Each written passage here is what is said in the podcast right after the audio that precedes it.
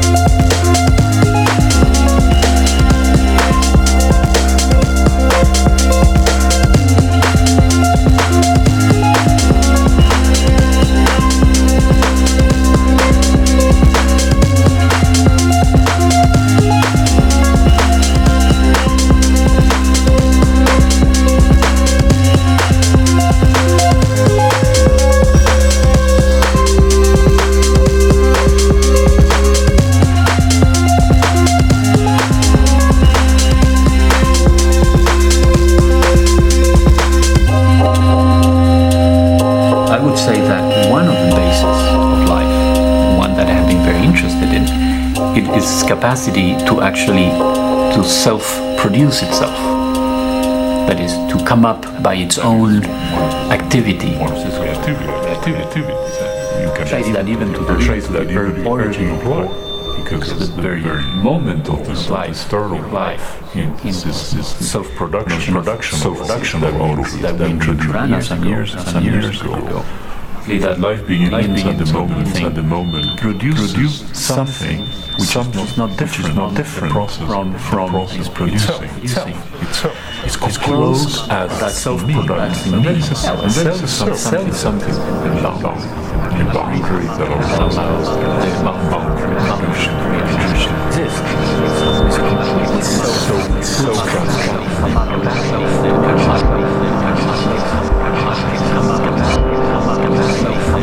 their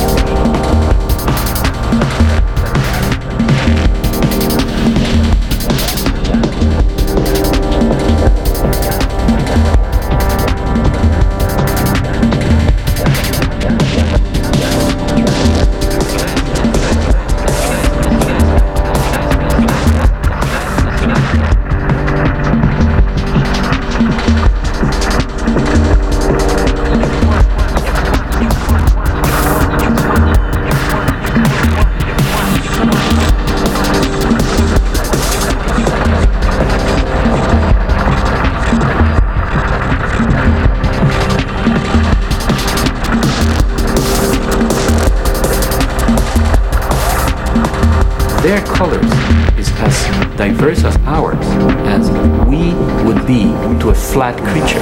Flat, flat creature. Third, third dimension space. This is inconceivable. Flat, flat creature. Birds. Birds. You and you have dimension of color. That is, it's not that they see more. It's not, it's not that they see better. It's not that they see. Is that their color space is unimaginable for us.